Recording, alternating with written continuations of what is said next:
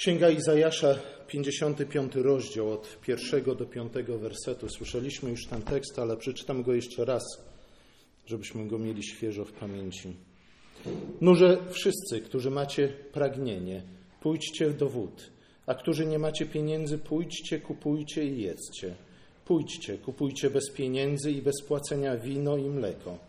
Czemu macie płacić za pieniędzmi za to, co nie jest chlebem? I dawać ciężko zdobyty zarobek za to, co nie syci.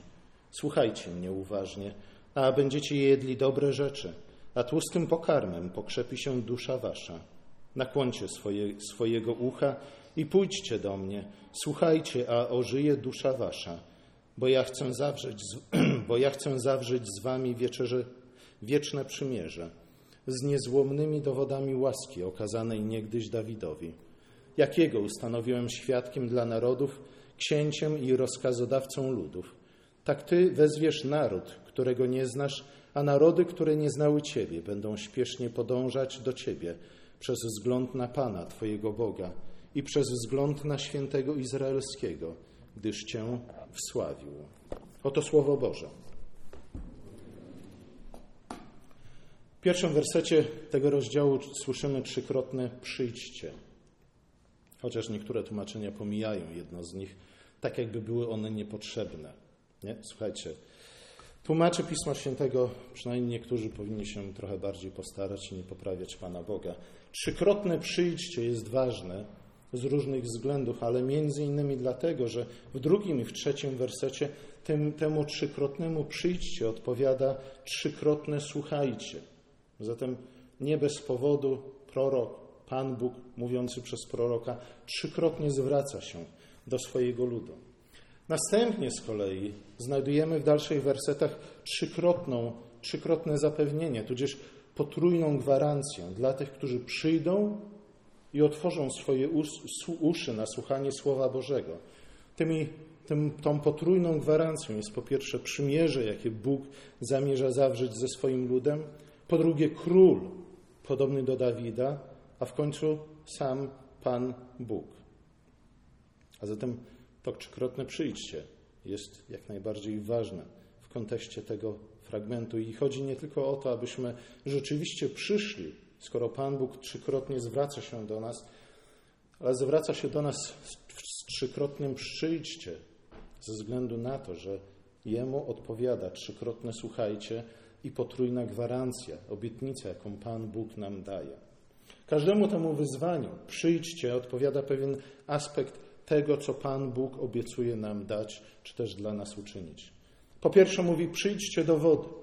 Zatem Pan Bóg rozpoznaje potrzebę, potrzebę, jaką my mamy i obiecuje ją zaspokoić. Dalej mówi, przyjdźcie i kupujcie bez, kupujcie i jedzcie, choć nie macie pieniędzy. Ubóstwo Nasze duchowe ubóstwo, bo każdy z nas jest duchowo ubogi, nie jest przeszkodą w zaspokojeniu naszych potrzeb dla Pana Boga. Dla nas jak najbardziej, dlatego jesteśmy ubodzy, ponieważ nie jesteśmy w stanie sami z siebie zaspokoić tej największej potrzeby, jaką mamy w naszym życiu. Aż w końcu słyszymy: przyjdźcie, kupujcie wino i, ble, i mleko. Pan Bóg obiecuje dać nam nie tylko wodę, czyli nie tylko to konieczne minimum do tego, abyśmy przetrwali, ale obiecuje dać nam mleko i wino, a zatem obfitość, bogactwo, a także radość. Woda służy naszemu orzeźwieniu, mleko służy wzmocnieniu, wino zaś dał nam Pan Bóg po to, aby rozradować nasze serca, rozradować nasze dusze. Wino jest darem Boga, który służy do świętowania tego, co Bóg uczynił w naszym życiu. Bóg jednak nie mówi po prostu przyjdźcie i bierzcie, ale w dziwny sposób mówi do nas przyjdźcie i kupujcie, nie płacąc ani za wodę, ani za mleko, ani za wino.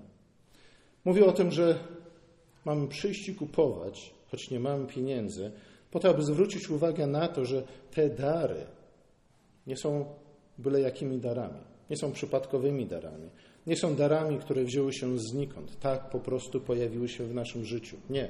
Ktoś musiał zapłacić za te dary, za dar wody, mleka i wina. W kontekście księgi Izajasza musimy pamiętać o tym, że za wodę, za mleko, za wino, którymi Bóg nas obdarowuje, którymi możemy się cieszyć, zapłacił sługa Jahwe.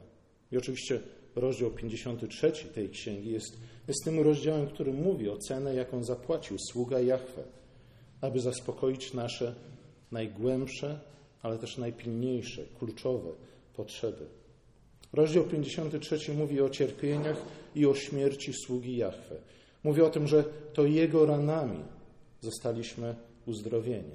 Dlatego teraz możemy przyjść i kupować bez pieniędzy to, czego potrzebujemy, to, co jest dla nas konieczne, abyśmy mogli żyć, abyśmy mogli rozwijać się. Nie tylko nasze ciała, ale również nasze dusze.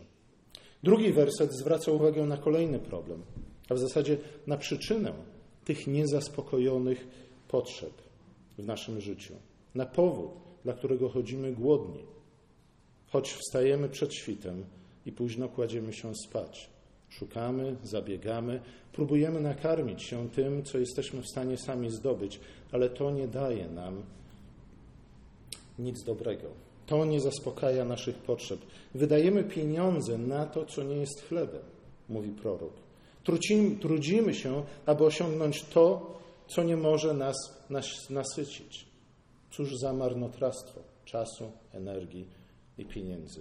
Czujemy głód, ale cokolwiek zrobimy, aby go zaspokoić, okazuje się jedynie stratą czasu i energii. Problem jest zatem głębszy i poważniejszy niż jedynie głód. Z tym głodem Pan Bóg nas stworzył. Mówi o tym innymi święty Augustyn w swoich wyznaniach na samym początku. Kto nie czytał, polecam. Mówi o tym, że Bóg stworzył nas z pragnieniem, które tylko On sam jest w stanie zaspokoić. Naszym problemem nie jest zatem sam głód, ale raczej brak roztropności. Innymi słowy, żeby nie posługiwać się eufemizmami, naszym problemem jest nasza głupota. Głupota, która polega nie tylko na tym, że jesteśmy niedoinformowani, ale głupota, która polega najczęściej na tym, że nie chcemy przyjąć tej informacji, którą Bóg, której Bóg nam udziela. To wszystko skutkuje głupimi decyzjami, które wyrażają się w tym, że trudzimy się, zabiegamy i zdobywamy to, co w żaden sposób nie jest w stanie zaspokoić głodu Boga. Wydaje nam się, że kupujemy chleb, ale tak naprawdę karmimy się popiołem, jak mówi Izajasz w innym fragmencie swojej księgi. Nie wiem, czy ktoś kiedyś z Was próbował iść popiół. Spróbujcie. Bardzo ciekawe doświadczenie. To Wam uświadomi różnicę pomiędzy prawdziwym chlebem a popiołem. Dlatego zanim przyjdziemy i zanim dokonamy tych mądrych zakupów, musimy najpierw słuchać się w Słowo Boga. Bóg mówi: Słuchajcie mnie uważnie w wersecie drugim. Dosłownie czytamy tam: Słuchając, słuchajcie mnie. To przypomina nam sposób mówienia Jezusa z Ewangelii. Zaprawdę, zaprawdę powiadam wam. Słuchając, słuchajcie mnie, a zatem pilnie mnie słuchajcie. Nie tylko słyszcie, ale tak naprawdę skupcie się na tym, co mam wam do powiedzenia. Słuchajcie, skupienie jest jednym z tych naszych problemów, z którymi się borykamy przez całe nasze życie. Nasza uwaga nie jest ani podzielna, ani zbyt skuteczna. Nie? Musimy, to wymaga wysiłku, co najmniej intelektualnego, ale też wysiłku woli, aby skupić się i rzeczywiście słuchać. Słuchajcie, każdy z nas, kto kiedyś siedział w szkole w ławce, wie, jak wielkim wysiłkiem jest słuchanie tego, co ma do powiedzenia nauczyciel, a nawet zapamiętanie przynajmniej części z tego, co mówi nauczyciel, a już zrozumienie przynajmniej odrobiny z tego, co mówi nauczyciel, nie? wolelibyśmy wejść na rysy chyba, niż przesiedzieć jedną lekcję w szkole. Słuchajcie, to jest wielki wysiłek. To wymaga od nas skupienia. To wymaga od nas energii i czasu. Słuchajcie, słuchając mnie.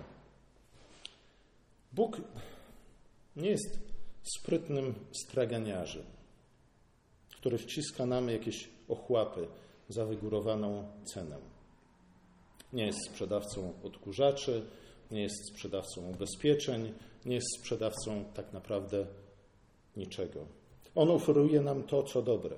On daje nam to, co raduje nasze ciało. On daje nam to, co karmi nasze dusze. O ile jednak, o ile jeszcze na to nie wpadliśmy do tej pory, to myślę, że zauważyliśmy, że mowa jest nie tylko o zwykłym napoju i pokarmie. Bogu nie chodzi tylko i wyłącznie o zwykłą wodę, o zwykły chleb, o zwykłe mleko i o zwykłe wino. Również tym Bóg nas obdarza. Ale słuchajcie, tak to jest już w biblijnej symbolice, iż to, co wynika z porządku stworzenia, albo może inaczej, Pan Bóg stworzył świat w taki, w taki, a nie inny sposób. Pan Bóg stworzył wodę, chleb, mleko i wino po to, aby one symbolizowały rzeczy, które są ważniejsze. Te rzeczy są dla nas ważne, bez nich nie przeżyjemy. Bez wina być może tak, chociaż nie wszyscy zapewne, nie? Ale bez wina nie odczujemy nigdy żadnej radości. Ale Bóg stworzył te rzeczy po to, aby one wskazywały na coś, co jest większego i ważniejszego niż te rzeczy. A zatem tu czytamy na pierwszy rzut oka o darach, które mają pokrzepić i rozradować nasze ciała, ale tak naprawdę są to tylko i wyłącznie, może nie tylko i wyłącznie. Rzeczywiście nimi Pan Bóg nas pokrzepia i rozwesela, ale są one przede wszystkim, o wiele bardziej niż pokrzepieniem dla naszych ciał, wskazówkami, znakami wskazującymi na pokarm dla naszej duszy, na duchowy napój i pokarm, których tak naprawdę potrzebujemy.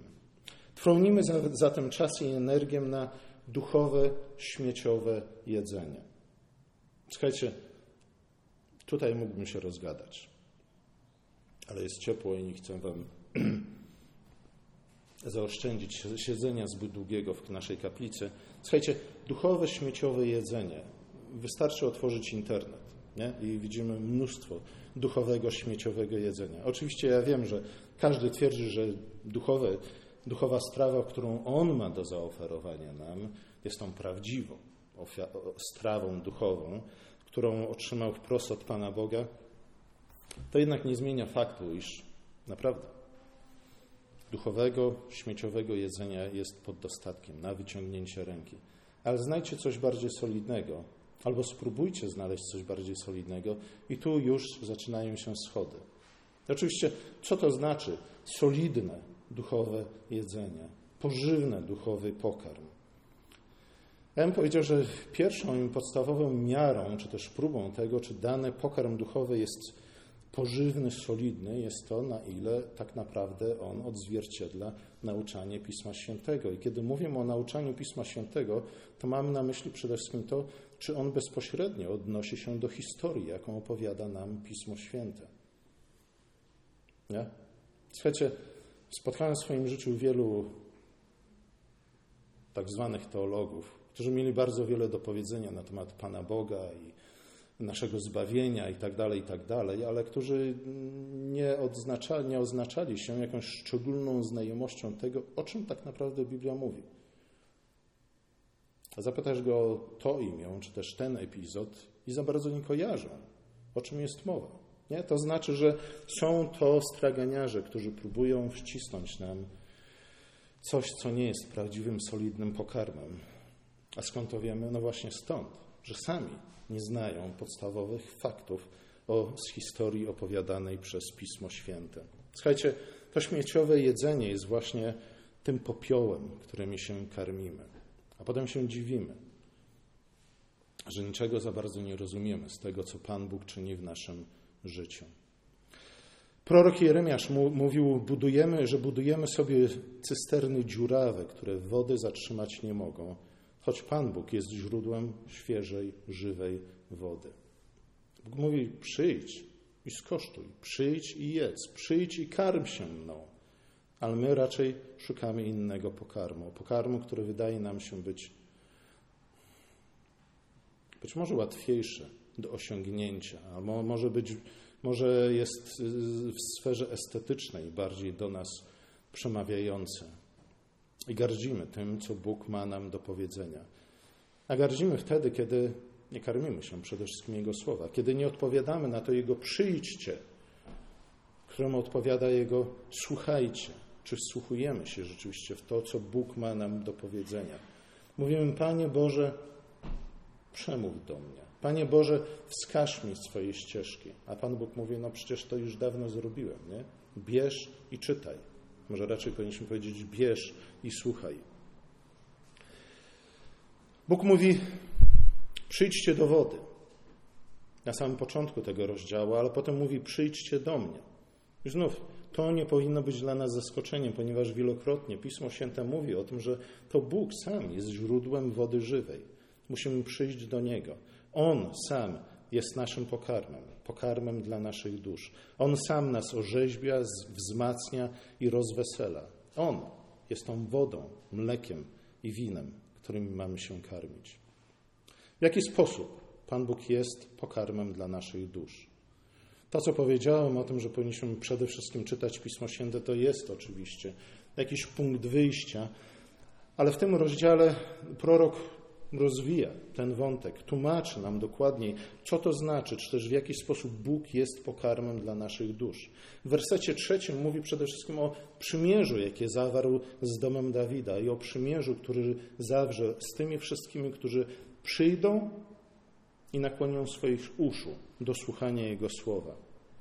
Bóg dał Dawidowi obietnice łaskawości, obietnice, które są wiarygodne. I mówiąc o obietnicach łaskawości, jakie Bóg dał Dawidowi, Bóg posługuje się wielce znaczącym słowem hebrajskim, a mianowicie hesed, które tutaj występuje w liczbie mnogiej. Jak należy je tłumaczyć? Często tłumaczone je ono jest po prostu jako miłosierdzie albo jako łaskawość, ale tak naprawdę chodzi o niewzruszone miłosierdzie albo też o wierną, tudzież dozgonną miłość. Słuchajcie, może właśnie o dozgonnej miłości powinniśmy mówić, bo w Chrystusie widzimy właśnie tę dozgonną miłość. Miłość Chrystusa ku Jego ludowi, do Jego ludy, która zaprowadziła Go na śmierć, na krzyż. Jest to miłość, która została poświadczona przymierzem, a zatem obietnicą, w której Pan Bóg, do której Pan Bóg dołączył nie tylko obietnicę, ale także przekleństwa. Widzimy właśnie w Chrystusie, w Ewangeliach to, że Pan Bóg dotrzymał tej obietnicy, dotrzymał przysięgi, kiedy na siebie wziął te przekleństwa, które miały spaść na Jego lud, na nas. A zatem jest to miłość okazana w czynach, czy też miłość czynna. Jest to miłość, o której Salomon mówi, że jest mocniejsza niż śmierć. Jest to miłość na dobre i na złe. Słuchajcie, każdy z Was, który jest mężem albo żoną, zapewne wypowiadał kiedyś w swoim życiu te słowa. Nie? Kiedy zawieramy ślub, to właśnie to sobie wzajemnie obiecujemy. Dozgonną miłość. Miłość na dobre i na złe, w chorobie i w śmierci, w bogactwie, ale też w ubóstwie. I dokładnie taką miłością Bóg nas obdarzył w Chrystusie. Słuchajcie, nie bez powodu takie przysięgi sobie składamy, chociaż niejednokrotnie je łamiemy, ale taka przysięga, przysięga, której nie jesteśmy w stanie tak naprawdę nigdy dotrzymać, jest również wyrazem tego głodu, o którym mówi tutaj prorok. Jest to głód prawdziwej miłości, miłości, która jest mocniejsza niż śmierć. Jest to głód miłości, która będzie towarzyszyć nam do końca, a nawet poza grób. Słowa o przymierzu zawartym z Dawidem, które było poświadczone, czy też które poświadczało wieczną łaskawość Boga wobec Dawida, nawiązują do Psalmu 89. Przeczytajcie go sobie w domu. E, I mam nadzieję, że zobaczycie bardzo wiele wątków wspólnych pomiędzy tym fragmentem Izajasza a Psalmem 89. Tam Pan Bóg, Pan Bóg, Bóg, który zawarł przymierze z Dawidem, jest przedstawiony przede wszystkim jako wszechmocny i suwerenny Pan całego stworzenia, który czyni cokolwiek zechce. Ale słuchajcie, gdyby to było wszystko, co moglibyśmy powiedzieć o Panu Bogu, to nie mielibyśmy jeszcze żadnego powodu do tego, aby Mu zaufać. Bóg jednak w tym psalmie przedstawia się nie tylko jako wszechmocny i suwerenny, ale mówi, że ta Jego wszechmoc służy naszemu dobru.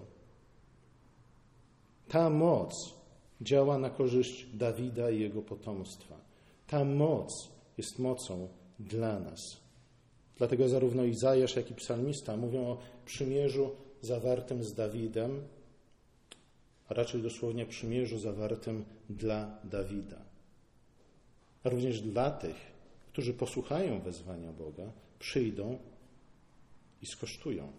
Przyjdą i u Niego bez pieniędzy będą kupować wodę, mleko i wino. To oni będą, jakbyśmy mogli powiedzieć, beneficjentami tego przymierza. Zatem jest to przymierze, które Bóg poświadczył własną krwią. To Chrystus, druga osoba Trójcy Świętej, w ciele, poszła na krzyż po to, aby spełnić warunki tego przymierza. Jakiego dowodu miłości potrzebujemy, potrzebujemy więcej? To jest miłość, która jest rzeczywiście miłością mocniejszą niż śmierć. I On to uczynił wszystko dla nas. Dla nas, to znaczy dla tych, którzy słuchają, przychodzą i karmią się samym Chrystusem.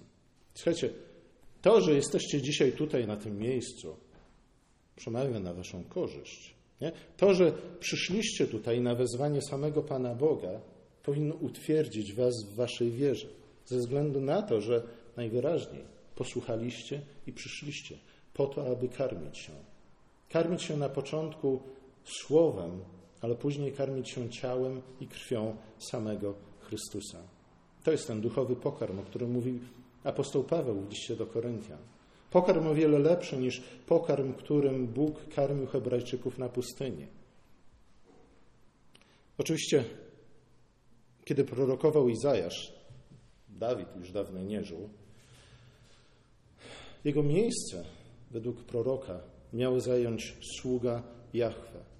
Zatem ten, o którym czytamy bardzo wiele, zwłaszcza w drugiej części Księgi Izajasza, ten, o którym mówi między innymi 53 rozdział tej księgi. W dziejach apostolskich w 13 rozdziale apostoł Paweł odnosi te słowa do samego Chrystusa. To Chrystus jest sługą Jahwe. To On jest nowym Dawidem. Jego śmierć dowodzi miłości, którą Chrystus ma ku nam. Jego zmartwychwstanie dowodzi wierności Ojca, który złożył nam obietnicę, który związał się z nami przymierzem. Chrystus jest nowym Dawidem. On jest sługą Jahwe, o którym mówi prorok Izajasz. On jest obiecanym, obiecanym Mesjaszem, którego panowanie obejmuje wszystkie narody i całe stworzenie. Zatem słuchajcie, kiedy prorok mówi, że to zaproszenie jest dla nas, że to przymierze jest dla nas, dla naszej korzyści, to nie powinniśmy ograniczyć tego dla nas, tylko i wyłącznie do siebie ze względu na to, że Chrystus jest sługą Jahwe, jest Mesjaszem, który przyszedł po to, aby zbawić świat cały. Czy to znaczy, że wszyscy pójdą do nieba? Sami odpowiedzcie na to pytanie. Werset piąty stwierdza, że władza Mesjasza będzie nie tylko uniwersalna i wieczna, ale także, że będzie skuteczna. No i słuchajcie, to jest bardzo ważne, ze względu na to, że bardzo często, zwłaszcza w obliczu trudności, przeciwieństw, cierpienia, prześladowań, zaczynamy wątpić w to, że Bóg jest Bogiem, który działa skutecznie. A zatem zaczynamy wątpić w wiarygodność Jego słów. Ale tutaj Pan Bóg mówi o tym, że On przywoła, czy też sługa Jahwe przywoła narody, które przybiegną na Jego wezwanie. Innymi słowy, Jego słowu nikt się nie może oprzeć. O tym Także mówi wielokrotnie prorok Izajasz w dalszej części swojej, nie, we wcześniejszej części swojego, swojej księgi w 40 rozdziale, gdzie mówi o tym, iż Pan, słowo, które Pan Bóg posyła, jest jak deszcz. Nie wraca do niego, nie wykonując dzieła, z którym je posłał. A zatem sługa Jahwe wezwie narody i narody usłyszą Jego słowo i przybiegną do Niego. O tym dokładnie czytamy w ostatniej księdze Pisma Świętego, na ostatnich kartach Pisma Świętego, w księdze Apokalipsy, gdzie czytamy o narodach, czy też o królach z całego świata, którzy przychodzą do Nowej Jerozolimy, do Królestwa Bożego, po to, aby wnieść do Niego chwałę swoich królestw, chwałę swoich narodów. Tam też czytamy o drzewach, które rosną nad rzeką wypływającą spod tronu Bożego, nad tą rzeką rosną drzewa, które dwanaście razy w roku owocują i których liście służą do uleczenia narodów. Zatem, kiedy Bóg związuje się przymierzem ze swoim ludem, to On ma zamiar wykonać wszystkie obietnice, które nam dał. I wykonuje te obietnice za cenę własnego życia. Ze względu na to, że Chrystus przyszedł po to, aby objawić nam miłość, a więc objawić nam Boga, który jest miłością, a ta miłość jest miłością mocniejszą niż śmierć. I znów, jeśli ten dowód na wiarygodność i na łaskawość Boga nam nie wystarcza, to nie wiem, jakich argumentów jeszcze użyć, żeby Was przekonać. Bóg zwraca się do nas z każdej niedzieli. Może nie tylko i wyłącznie niedzieli, ale każdego pierwszego dnia tygodnia Bóg zwraca się do nas w szczególny sposób, chcąc nas nakarmić szczególnym pokarmem. Każdej niedzieli zwraca się do nas, wołając: Przyjdźcie do mnie, a ja dam wam ukojenie. Słuchajcie, trudno znaleźć człowieka, który by nie szukał ukojenia. Nie? Trudno znaleźć człowieka, który nie odczuwałby w jakiś sposób własnej niedoli. Bóg mówi: Przyjdź do mnie, a ja dam ci ukojenie. Mówi: Skosztujcie i zobaczcie, że dobry jest Pan. Szczęśliwy ten, kto się do niego ucieka. Czy zależy nam na tym, abyśmy znaleźli ukojenie? Czy szukamy prawdziwego szczęścia, błogosławieństwa Bożego? Bóg mówi: przyjdźcie, skosztujcie, przekonajcie się. Dlaczego macie wydawać pieniądze na to, co nie jest chlebem? Innymi słowy, dlaczego chcecie zmarnować całe swoje życie, goniąc za tym, co nie będzie w stanie Was w żaden sposób usatysfakcjonować? Być może na chwilę da Wam namiastkę sytości, ale na dłuższą metę w żaden sposób. Dlaczego macie się trudzić, aby osiągnąć to, co nie może nasycić? Dlaczego dajecie się oszukiwać, kupując chleb, a tak naprawdę otrzymując, popiół? Zabiegać, zabiegajcie nie o taki pokarm, który ulega zniszczeniu, lecz o ten, który przetrwa na życie wieczne, a, którym, a który da wam Syn Człowieczy. Dzisiaj Syn Człowieczy zaprosił nas na to zgromadzenie, aby nas nakarmić.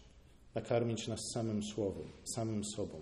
Bo Słowo, które do nas dociera, Słowo, które jest tutaj zwiastowane, jest Słowem samego Ojca, jest samym Chrystusem. Bo chleb i wino, które będziemy spożywać, poprzez nie Bóg udziela nam duchowych, duchowego pokarmu. On udziela nam błogosławieństw Królestwa. On daje nam, udziela nam zmartwychwstałego życia Jezusa Chrystusa. A zatem przyjdźmy, skosztujmy, że dobry jest Pan. Amen.